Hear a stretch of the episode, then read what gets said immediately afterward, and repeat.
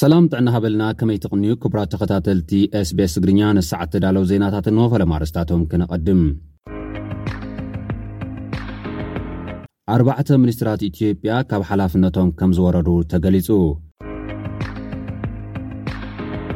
ፖሊስ ኤርትራ ኣብ 2022 ወሰኽ ገበን ከም ዝነበረ ገምጊሙ። ሚኒስትራት ጉዳያት ወጻኢ ፈረንሳይን ጀርመንን ግዳያት ኲናት ትግራይ ፍትሒ ክረኽቡ ጸዊዐን። ኣብ ትግራይ ህፁፅ ልግሲ ደም ንምክያድ ወፍሪ ተጀሚሩ። ኣብ ኢትዮጵያ መጠን ሰደድ ወርቂ ብ59 ሚእታዊት ከም ዝነከየ ተገሊጹ። ኣፍራይ ሆንግ ኮንግ ብሰንኪ ምዕጻው ኣገዋ ከሲሩ ካብ ኢንዱስትሪ ፓርክ ባህርዳር ከም ዝወፀ ተገሊጹ ዝብሉ ነዚ ሰዓት ተዳለዉ ዜናታት እዮም ናብ ዝርዝራቶም ክንሰግር ኣርባዕተ ሚኒስትራት ኢትዮጵያ ካብ ሓላፍነቶም ከም ዝወረዱ ተሰሚዑ ቤት ምክሪ ሚኒስትራት ኢትዮጵያ ንወይዘሮ ዳግማዊት ሞገስ ንኢንጂነር ታከለ ኡማ ንኣቶ ዑመር ሑሴን ንኣቶ ተፈሪ ፍቅሬን ካብ ስልጣኖም ከም ዘውረደ ተገሊጹ ኣሎ ወይዘሮ ዳግማዊት ሞገስ ሚኒስትሪ ትራንስፖርትን ሎጂስቲክስን፣ ኢንጂነር ታከለ ኡማ ሚኒስትሪ መኣድን፣ ኣይተ ዑመር ሑሴን ሚኒስትሪ ግብርና ከምኡ ድማ ኣይተ ተፈሪ ፍቅሬ ሓላፊ ቤት ፅሕፈት ቀዳማይ ሚኒስትርን ሚኒስትሪ ጉዳይ ወፃኢ ካቢነን ዝነበሩ እዮም ተባሂሉ ኣሎ። ምኽንያት መውረዲኦም ግን ዛጊድ ኣይተነፀረን ዘሎ። ፖሊስ ኤርትራ ኣብ 222 ወሰኽ ገበን ከም ዝተረኣየ ገምጊሙ ሓለፍቲ ጨናፍራትን ካልኦት መኮንናትን ኣብ ዝተረኽብሉ ጸብጻብ ዘቕረበ ኣዛዚ ፖሊስ ኤርትራ ኮሎኔል መሓረ ጸጋይ ኣብ 222 ወሰኽ ገበን ከም ዝተመዝገበ ገሊጹ እቲ ኮሎኔል ኣብ ዓመተ 222 ብደረጃ ሃገር ልዕሊ 5,000 ገበናትን 11 በደላትን ኣብ መደብር ፖሊስ ከም ዝተመዝገበ ቅድሚኡ ምስ ዝነበረ ዓመት ክነጻጸር ከሎ ገበናት ብ7.3 ሚእታዊት፣ በደላት ብ23 ነጥቢ 3 ሚእታዊት፣ ሓደጋ ትራፊክ ብ55 ሚእታዊት ከም ዝወሰኸ፣ ዘይትራፊካዊ ሓደጋታት ብ13 ነጥቢ 3 ሚእታዊት ከም ዝነከየ ገሊጹ ኣሎ።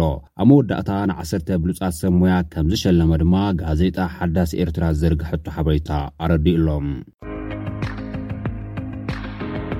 ሚኒስትራት ጉዳይ ወፃኢ ፈረንሳይን ጀርመንን ግዳያት ኩናት ትግራይ ፍትሒ ክረኽቡ ፀዊዐን ኣብ ኢትዮጵያ ምብፃሕ ዘካየዳ ሚኒስትራት ጉዳይ ወፃኢ ፈረንሳይን ጀርመንን ኣብ ኢትዮጵያ ብዘይ ፍትሒ ዕርቂ ክህሉ ከም ዘይኽእል ገሊፀን እተን ሚኒስትራት ምዕባለታት እቲ ኣብ ወርሒ ጥቅምቲ ኣብ መንጎ መንግስቲ ፌደራልን መንግስቲ ትግራይ ዝተፈረመ ውዕል ሰላም ኣመልኪቱ ምስ ቀድማ ሚኒስትር ኢትዮጵያ ኣብዪ ኣሕመድ ኣብ ኣዲስ ኣበባ ድሕሪ ምዝራራበን እዩ ነዚ መግለፂ ሂበን ዘለዋ ሚኒስትሪ ጉዳይ ወፃኢ ፈረንሳይ ካትሪን ኮሎንያን ጀርመናዊት መዘንእን ኣሌና ቤርኮክን ነቶም ኣብ እዋን ኩናት ዝተፈፀሙ ገበናት ስጉምቲ ዝወስድ ስርዓት ስግግር ፍትሒ ክጣይሽ ፀዊዐን ኣለዋ ሚኒስትሪ ጉዳይ ወፃኢ ጀርመን ኣናሌና ባርኮ ካብቲ ንክልተ ዓመታት ዝተኻየደ ኩናት ኮነ ተባሂሉ ብብልሓት ዝተፈፀመ ፀውታዊ ዓመፅ ዝርከቦም ገበናት ከም ዝተፈፀሙ ምግላፀን ወኪል ዜና ኣሶሴትድ ፕረስ ፀብፂቡ ኣሎ ከም ጓል ኣንስተይቲ ሚኒስትር ጾታዊ ዓመጽ ኣካል ኲናት ምግባር ንቡር ከም ዘይኮነ ክገልጽ እፈቱ ምባለን ዝጠቐሰ ኤፒ ኣብ እዋን ኲናት ድሕነት ሰላማውያን ሰባት ቀዳምነት ዝወሃቦ ተግባር ምዃኑ ብምጥቃስ ጾታዊ ዓመጻት ገበናት ኲናት እዮም ምባልን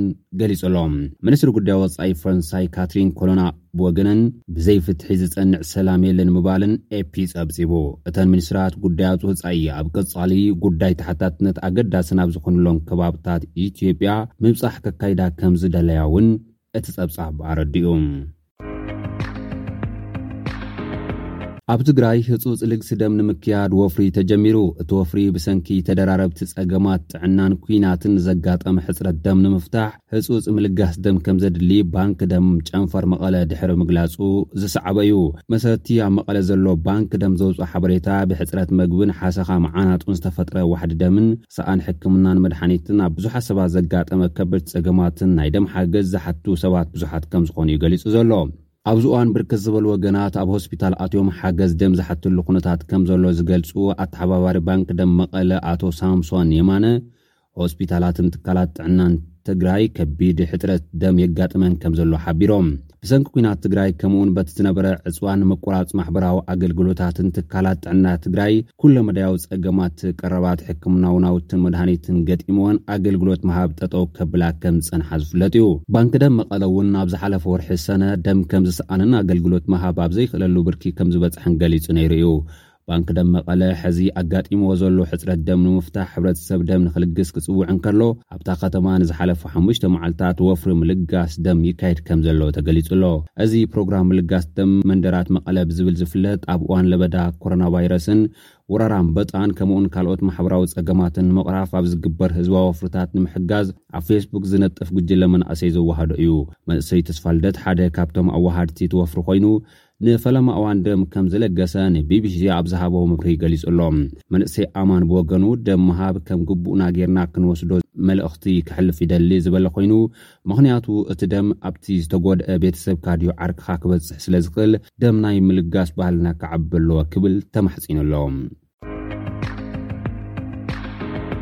ኣብ ኢትዮጵያ መጠን ሰደድ ወርቂ ብ59 ሚእታዊት ነክዩ ብቀዳማይ ሚኒስትር ኢትዮጵያ ነበር ኣቶ ሃይለማርያም ደሳለኝ ዝሓሸ ለውጢ ዕብየት ሰደድ ወርቂ ዝተመዝገበሉ በቲ ሕጂ ዘሎ መንግስቲ እውን ምስ ቡንን ሆርቲ ካልቸርን ብሉፅ ኣፈፃፅማ ሰደድ ሸቐጥ ዝነበሮ ሰደድ ወርቂ ሎሚ ግን ከም ዝነከየ ተገሊፁ ኣሎ ካብ ሚኒስትሪ ዕደና ወሪዶም ዘለዉ ታከለ ኡማ ቅድሚ ክልተ ዓመት ሰደድ ወርቂ ልዕሊ 672 ሚልዮን ዶላር ኣብ ኢንዱስትሪ ዕደና ታሪኻዊ ዝለዓለ ደረጃ ብምምዝጋቡ ዝተነኣድሉ ውፅኢት ዝተመዝገበ ኮይኑ ኣብ 2020ን 2021ን ዝነበረ በጀት ዓመት ሰደድ ወርቂ ድማ ብ242 ሚእታዊት ሰማይ ዓሪጉ ከም ዝነበረ እዩ ዝንገረሉ። እንተኾነ ኣብዚ በጀት ዓመት ኣብ ቀዳሞት ሽዱሽተ ኣዋርሕ ብ59 ሚእታዊት ዝነከየ ናብ ሚእትን ዓሰርተ ሸውዓተን ነጥቢ ኣርባዕተ ሚልዮን ዶላር ዝግመት ሰደድ ከም ዝተረኽበ ሚኒስትሪ ዕደና ኢትዮጵያ ኣፍሊጡ ኣሎ።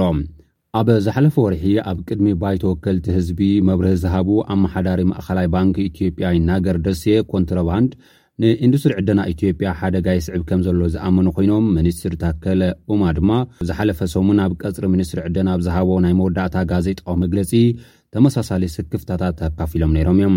ካብ ኢትዮጵያ ዝወፅእ ብዙሕ መጠን ወርቂ ብኮንትሮባንድ ይሰጋገር ኣሎ ዝበሉ ኢንጂነር ታከለ ኡማ ብገለ ወገናት ኮንትሮባንድ ንምትብባዕ ፃዕርታት ይግበር ከም ዘሎ ረጋጊፆም መእረምታ ስጉምትታት ዝወስድ ሓይሊ ዕማም ንክፍጠር ፃዕርታት ይግበር ከም ዝነበረ እውን ሓቢሮም እዮም ኣብ ዝሓለፉ ሽዱሽተ ኣዋርሕ ብድምር ሽዱሽተ ቢልዮን ብር ዝግመት ትራንዛክሽን ከም ዝተካየዱ ፀብፃባት ይሕብሩ እቶም ዓደንቲ እቲ ገንዘብ ወርቂ ንምዕዳግ ይጥቀምሉ ከም ዘለዉን ብድሕሪኡ ነቲ ወርቂ ናብ ማእኸላይ ባንክ ይሸጥዎ ከም ዘለዉ እዮም ዝገልፁ።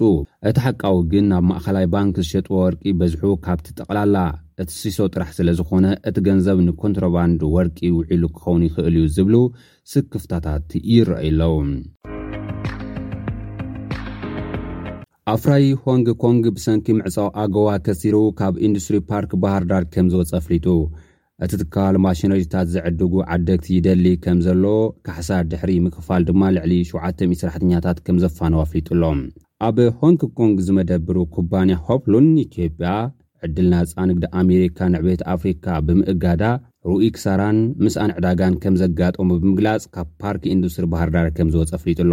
እቲ ንሱ ወሲድዎ ዘሎ ሽጉምቲ ነቶም ኣብ ፋብሪካታት ፓርክ ኢንዱስትሪ ኣዋሳ ዝነበሩ ኣፍረይቲ እውን ተመሳሳሊ ብምዃኑ ነቶም ኣብ ጸቕጢ ዝነበሩ ሰበስልጣን ኢትዮጵያ ካልእ ፈተና ከም ዝኾነ እዩ ዝግለጽ ዘሎ። ኣብ ሽሕን ትሽዓተ ሚእትን ተስዓን ክልተን ዓመተ ምህረት ዝተመስረተ ሆፕሉን ካብ ባንግላዴሽ፣ ቻይናን ኢንዶነዥያን ብተወሳኺ ቅድሚ ሰለስተ ዓመት ናብ ዕዳጋ ኢትዮጵያ ዝተጸንበረ እዩ። ዕላምኡ ድማ ባህርዳር ኢንዱስትሪያላዊ ፓርክ ኣብነታውን ከም ሃዋሳ ኢንዱስትሪያላዊ ፓርክ ዝኣመሰለ መሪሕ ኢንዱስትሪ ንምግባር ዝዓለመ እዩ ነይሩ። እቲ ትካል ኣብ ክልተ ሽሕ ዓሰርተ ትሽዓተ ምስ ኮሚሽን ኢንቨስትመንት ኢትዮጵያ ናይ ምርድዳእ ስምምዕ ድሕሪ ምፍራሙ መንግስቲ ኢትዮጵያ ኣብ ባህርዳር እቲ ፓርክ ዝቖመለን ሸሞንተ ኢንዱስትሪያላዊ ሸዳት ብሊዝ ኣካርይዎ ነይሩ። ካብተን ሸሞንተ ሸዳት እተን ኣርባዕተ ናብ መፍረዪ ትካል ተቐይረን ሆፕ ድማ ብኡንብኡ ንኹሉ ውዲ ኣቑሑቱ ናብ ዕዳጋ ኣሜሪካ ክሰዶ ጀሚሩ ነይሩ እዩ። እንተኾነ መንግስታት ኢትዮጵያን ኤርትራን ኣንጻር ትግራይ ብዘካይድዎ ኲናት፣ ኢትዮጵያ ካብ ዕድል ኣጎዋ ብምውጽኣ ስርሑ ክቕጽል ከምዘይካኣለ እዩ ሕጂ ካብቲ ኢንዱስትሪ ክወጽእ ከምዝተገደደ ዝገልጽ ዘሎ። ፓርክ ኢንዱስትሪ ባህርዳር ቅድሚ ክልተ ዓመት ብ ሰማንያን ሓደን ሚልዮን ዶላር ዝተሃንጸ ክኸውን እንከሎ፣ እቲ ፓርክ ካብ ዝተዘርግሐ ሚእትን ሓምሳን ሄክታር መሬት ሰብዓን ሓሙሽተን ሄክታር መሬት ፍርያት ከምዝተጀመረሉ እዩ ክግለጽ ጸኒሑ። ክቡራት ተኸታተልቲ ኤስቢኤስ ትግርኛ ነዚ ሰዓት ዝተዳለዉ ዜናታት እዚኦም ይመስሉ። ምሳና ጸኒሕኩም ስለ ዝተኸታተልኩም ኣዚና ነመስግን።